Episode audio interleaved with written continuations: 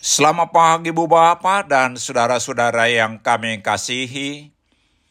Kami dari Yayasan Badan Kerjasama Marturia mengucapkan selamat beraktivitas hari ini di dalam penyertaan Tuhan kita Yesus Kristus.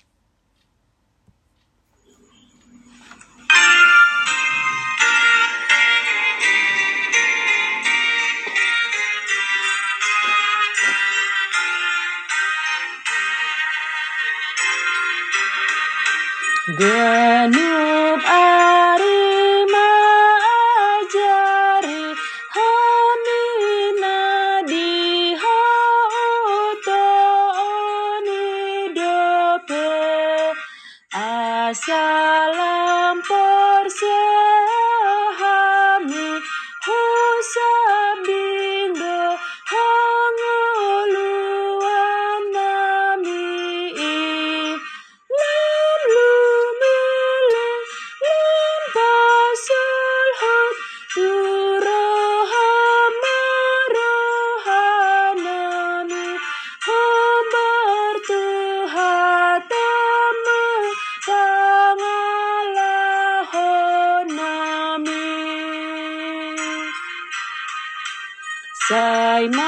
parte.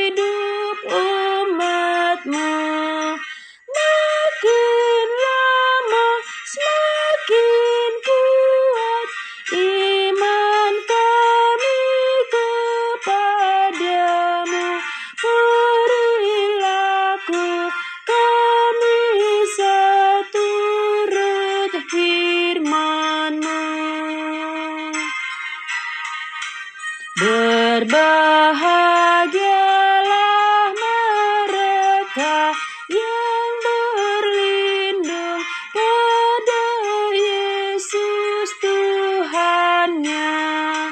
Demikian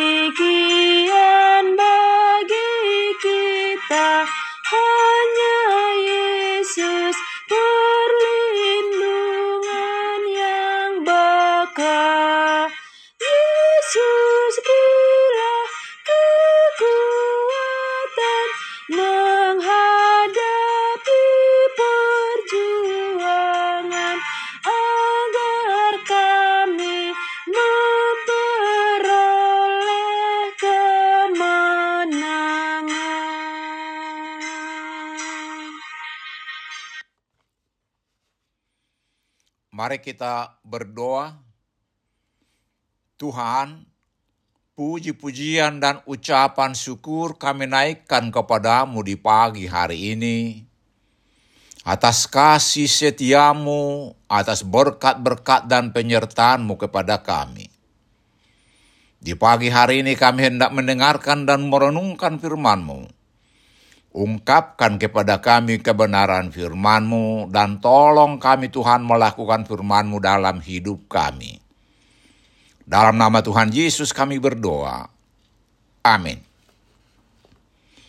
Saudara-saudara yang dikasihi Tuhan Yesus, firman Tuhan untuk kita renungkan di pagi hari ini terambil dari Efesus 3 ayat 18 dengan tema kasih Kristus yang tidak terbatas Demikian firman Tuhan.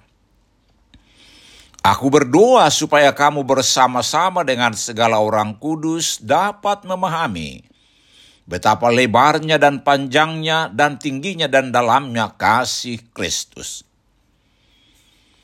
Saudara-saudara yang dikasihi Tuhan Yesus, doa adalah jalur komunikasi kita dengan Tuhan. Setiap orang percaya dapat membina hubungan yang intim dengan Tuhan melalui doa untuk menjadi pemenang dalam peperangan rohani. Setiap orang percaya harus didukung oleh doa yang tiada berkesudahan. Ayat renungan hari ini adalah sebagian dari doa Paulus yang sedang dipenjarakan di kota Roma kepada jemaat Efesus.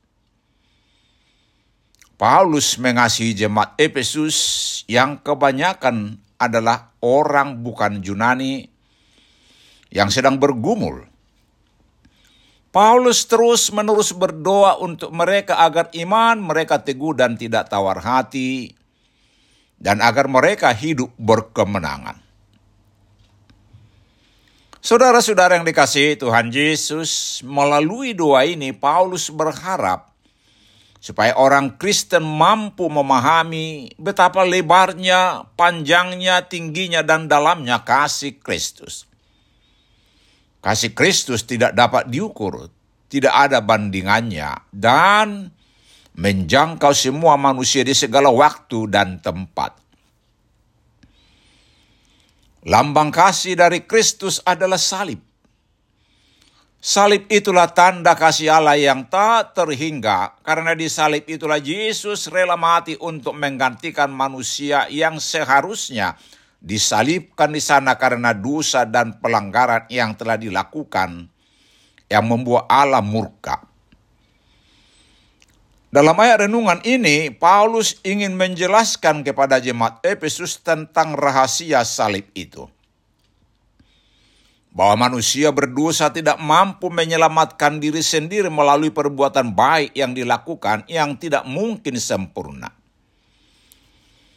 Upah dosa adalah maut, yang berarti manusialah yang sepatutnya disalibkan karena dosanya, dihukum dalam kematian yang kekal di neraka.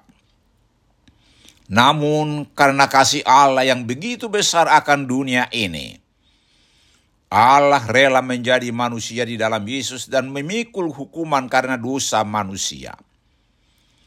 Yesus manusia yang sempurna, yang tidak mengenal dosa telah dibuat menjadi dosa agar manusia berdosa dapat diselamatkan. Dan dapat menerima anugerah hidup yang kekal.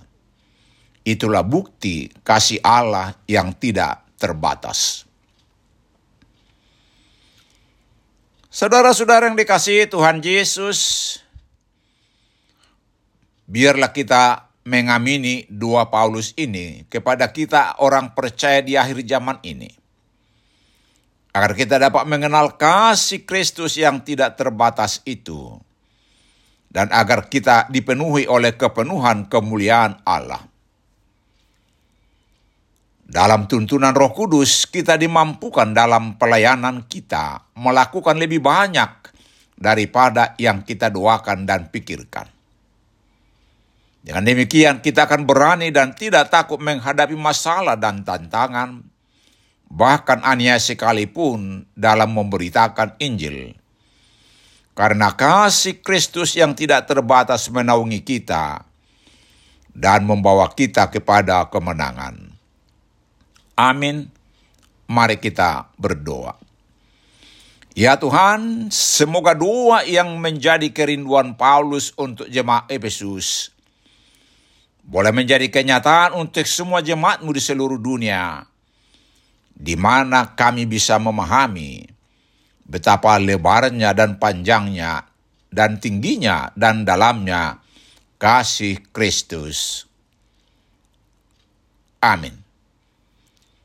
Selamat beraktivitas hari ini. Tuhan Yesus memberkati kita.